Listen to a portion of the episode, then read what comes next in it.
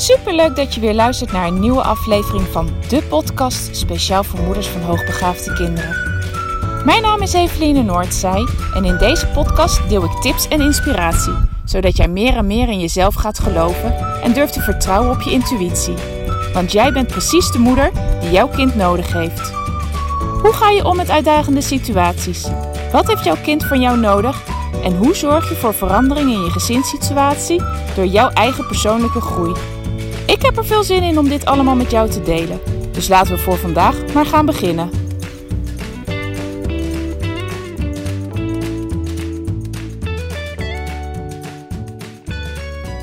Ha, lieve luisteraars.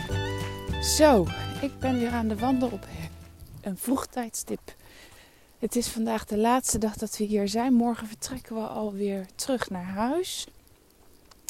En ik dacht, ik neem het er nog even van. Het is uh, heel aangenaam. Het is heerlijk rustig in het bos. En het is ook prachtig, want de zon die komt rustig door. En uh, ja, het is echt gewoon genieten. En waar ik het vandaag met jou wil hebben, is over de sociale ontwikkeling van een hoogbegaafd kind en de emotionele ontwikkeling van een hoogbegaafd kind. Daar zijn nogal veel verschillende meningen over. En in mijn ogen gaan daar ook heel vaak dingen heel erg mis. En dat zie ik met name wanneer daar op school gesproken moet worden van een versnelling. He, versnelling sneller door de kleutertijd heen of een versnelling in hogere groepen. Dat heel vaak het sociale en het emotionele argument op tafel gelegd wordt om een kind niet te laten versnellen. En ja, nou ja, ik heb daar gewoon een hele duidelijke mening over en die ga ik gewoon vandaag met je delen.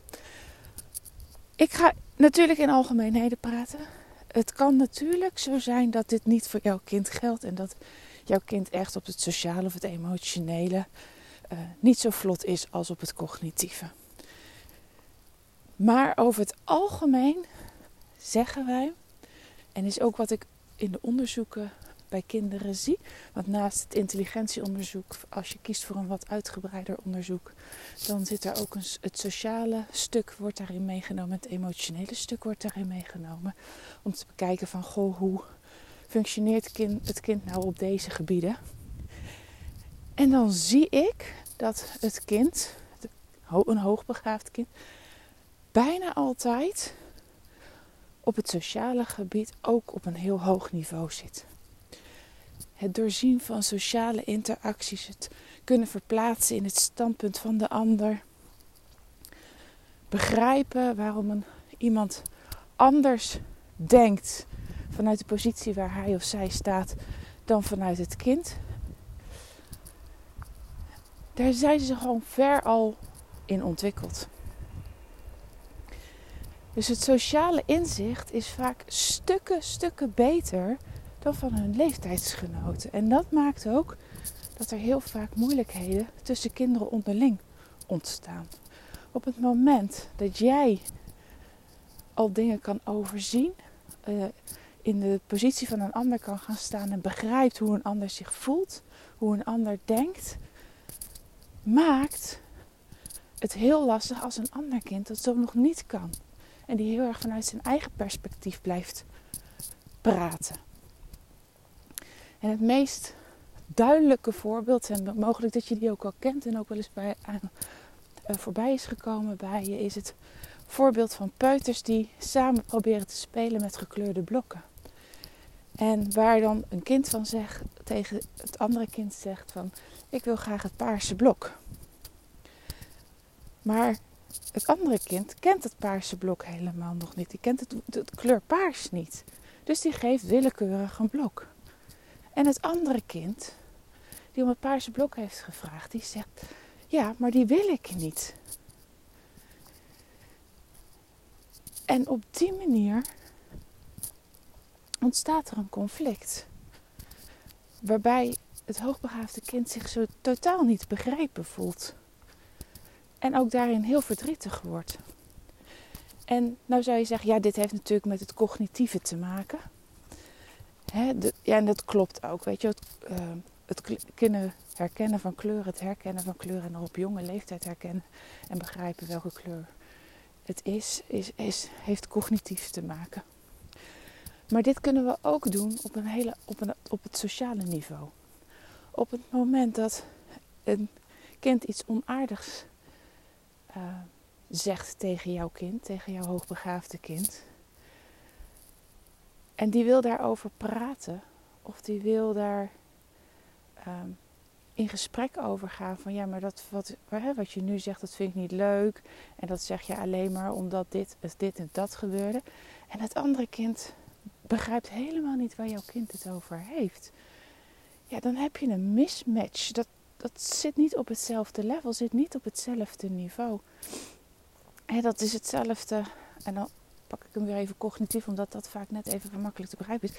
Als iemand mij heel veel gaat uitleggen over computers. En die heeft daar zoveel kennis over. En die is er zo ver in ontwikkeld. En ik helemaal niet. Want dat kan wel wat. Maar ik uh, ben daar niet echt uh, heel erg thuis in de computers. Ja, dat, dat, dat praat langs elkaar heen. Als de ander die mij uitleg geeft niet begrijpt dat ik nog niet zo ver ben. Ja, dan gaat hij of zij mij dingen uitleggen waar ik helemaal nog niet aan toe ben. Nou, en dat zie je ook vaak in het sociale. Um, en dat is natuurlijk gekoppeld aan het cognitieve. Dat kan je niet los van elkaar zien. Um, maar ja, dat, er ontstaat gewoon ook op sociaal gebied een mismatch. Het niet kunnen bereiken van elkaar.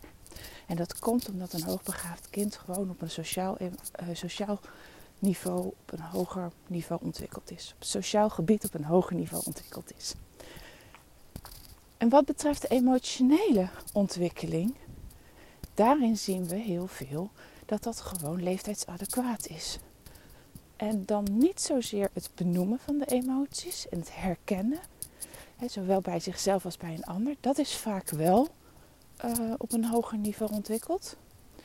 Maar het andere gedeelte, namelijk het omgaan met de emoties van jezelf, dat is heel erg leeftijdsadequaat. Dus heb je een kind dat op cognitief hè, op 12 jaar functioneert, terwijl jouw kind uh, 7 is. Sociaal misschien wel op 12, 11, 10 jaar, maar in ieder geval hoger dan zijn kalenderleeftijd. Hè? De, de daadwerkelijke leeftijd van 7 noemen we ook wel kalenderleeftijd. En emotioneel functioneert het gewoon als een zevenjarige.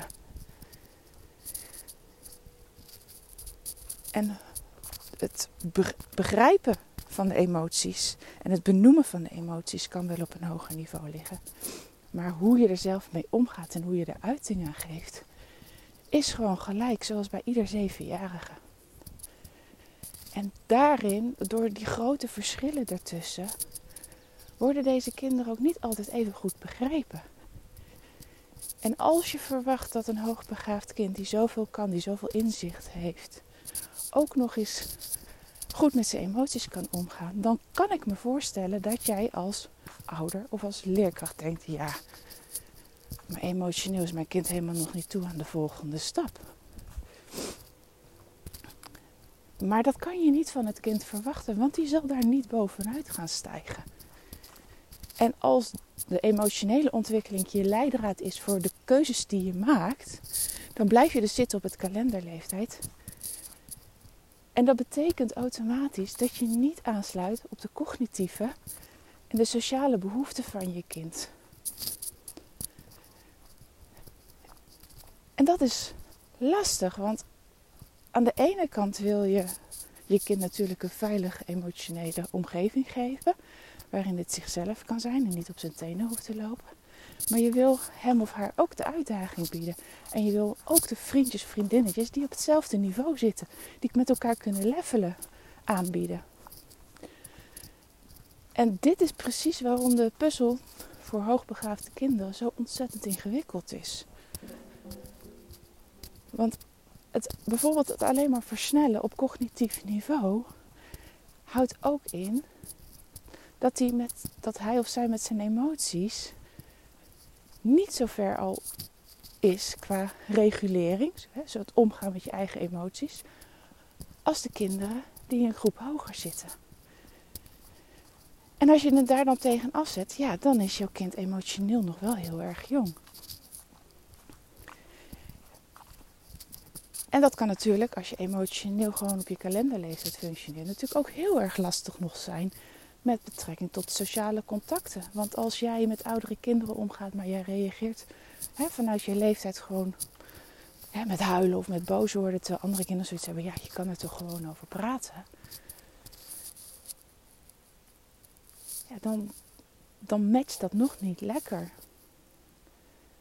Maar de andere kant van het verhaal is wel dat als jij uitgaat van die emotionele ontwikkelingen en een kind dus niet door laat gaan, dat het cognitief niet de uitdaging krijgt, dat het op sociaal vlak vaak niet gaat matchen met de kinderen bij wie ze in de klas blijven en ze zich onbegrepen voelen. Nou, en dat doet natuurlijk ook weer emotioneel iets met een kind. Op het moment dat een kind niet de cognitieve uitdaging krijgt of niet de sociale uitdaging krijgt, gaat het ook niet lekker in zijn vel zitten. En als je niet lekker in je vel zit, dan zal je dat zien in die emotionele ontwikkeling. En ik leg het altijd aan de hand van een voorbeeld van onszelf uit. Stel dat jij ergens op een werkplek zit waar je het helemaal niet naar je zin hebt. Je kan het niet vinden met je collega's, je werk is saai. Ja, wat doet dat met je? Ja, je wordt down, je zit niet lekker in je vel. En wat gebeurt er als je down en niet lekker in je vel bent, zit? Dan kan je wat veel minder van je omgeving hebben. Dus je reageert veel heftiger. Je reageert misschien wel emotioneler. En vervolgens denk je, ja laat maar, ik heb nergens zin in. ik stort neer op de bank. Ik uh, heb geen zin om iets te ondernemen. Ik heb geen zin in sociale contacten. Afsporten komt volgende week wel. Ik ben nou zo moe. Want je raakt uitgeput omdat je die uitdaging mist. Omdat je het contact met je, met je collega's mist. Het zijn essentiële onderdelen waardoor een mens lekker ja, kan gaan functioneren. En dat geldt voor een kind ook. Dus nogmaals, het is echt gewoon een puzzel om te kijken van hoe kunnen we ervoor zorgen dat het kind zowel op emotioneel niveau krijgt wat het nodig heeft, als op sociaal niveau, als op cognitief niveau. En ja, dat is een hele lastige puzzel om te leggen. Eh, voor school, maar ook zeker voor jouw thuissituatie. Want de ene keer zal je moeten aansluiten bij het cognitieve, de volgende keer zal je aan moeten sluiten op het sociale niveau en de derde keer daarna op het emotionele niveau. Dus het vraagt heel veel van jou, het vraagt heel veel van de school en de leerkracht om steeds te moeten switchen. Maar dit is wel echt een heel belangrijk uitgangspunt waar ik van hoop dat iedere ouder dat echt wil opslaan. Dat het niet zo rechtlijnig is dat een kind niet kan versnellen omdat het op sociaal of emotioneel niveau niet met de, hè, niet het niet lekker matcht. Uh, dat je geen cognitieve uitdaging gaat bieden omdat het emotioneel gewoon nog zo klein is. Je moet het echt los van elkaar zien en kijken. En vooral out of the box gaan denken en kijken naar mogelijkheden voor deze kinderen. En op het moment dat het je lukt om de verschillende niveaus Ehm, goed in te schatten en daarbij aan te sluiten, zal je zien dat je kind in evenwicht is en dat het ehm, ja, gewoon lekker in zijn vel zit. Nou, dit was het voor vandaag. Ik hoop iets, dat je hier iets aan hebt, dat ik je iets verhelderd voor je heb. Uh, heb je er nog vragen over? Laat het me zeker even weten. Dit is best een behoorlijk complex uh, iets om uit te leggen en vooral ook om op een gegeven moment te gaan doorzien met je kinderen. Van jeetje, uh, het reageert nu zo. Zitten we nu op het emotionele of moet ik juist het aanspreken op, op het hoge cognitieve? Of, uh, dat is echt wel een zoektocht. Maar uh, nou ja, dat, dat, is, dat is wel mogelijk om dat te gaan leren. Ehm, maar dat, dat vraagt wel even allereerst dit inzicht dat deze kinderen gewoon op verschillende niveaus zitten. En dat het allemaal prima is. En dat het zeker geen must is om te zorgen dat je uh, al die niveaus op hetzelfde pijl krijgt. Uh, dat is sowieso nooit, never nooit haalbaar. Het is echt gewoon ja, een feit dat die verschillende niveaus bestaan en daar zal je mee moeten leren omgaan en naar moeten gaan handelen. Uh, je krijgt het niet gelijk getrokken. Never nooit. Ik wens je voor vandaag weer een hele fijne dag en alvast een fijn weekend. En ik spreek je maandag weer. Doei doei!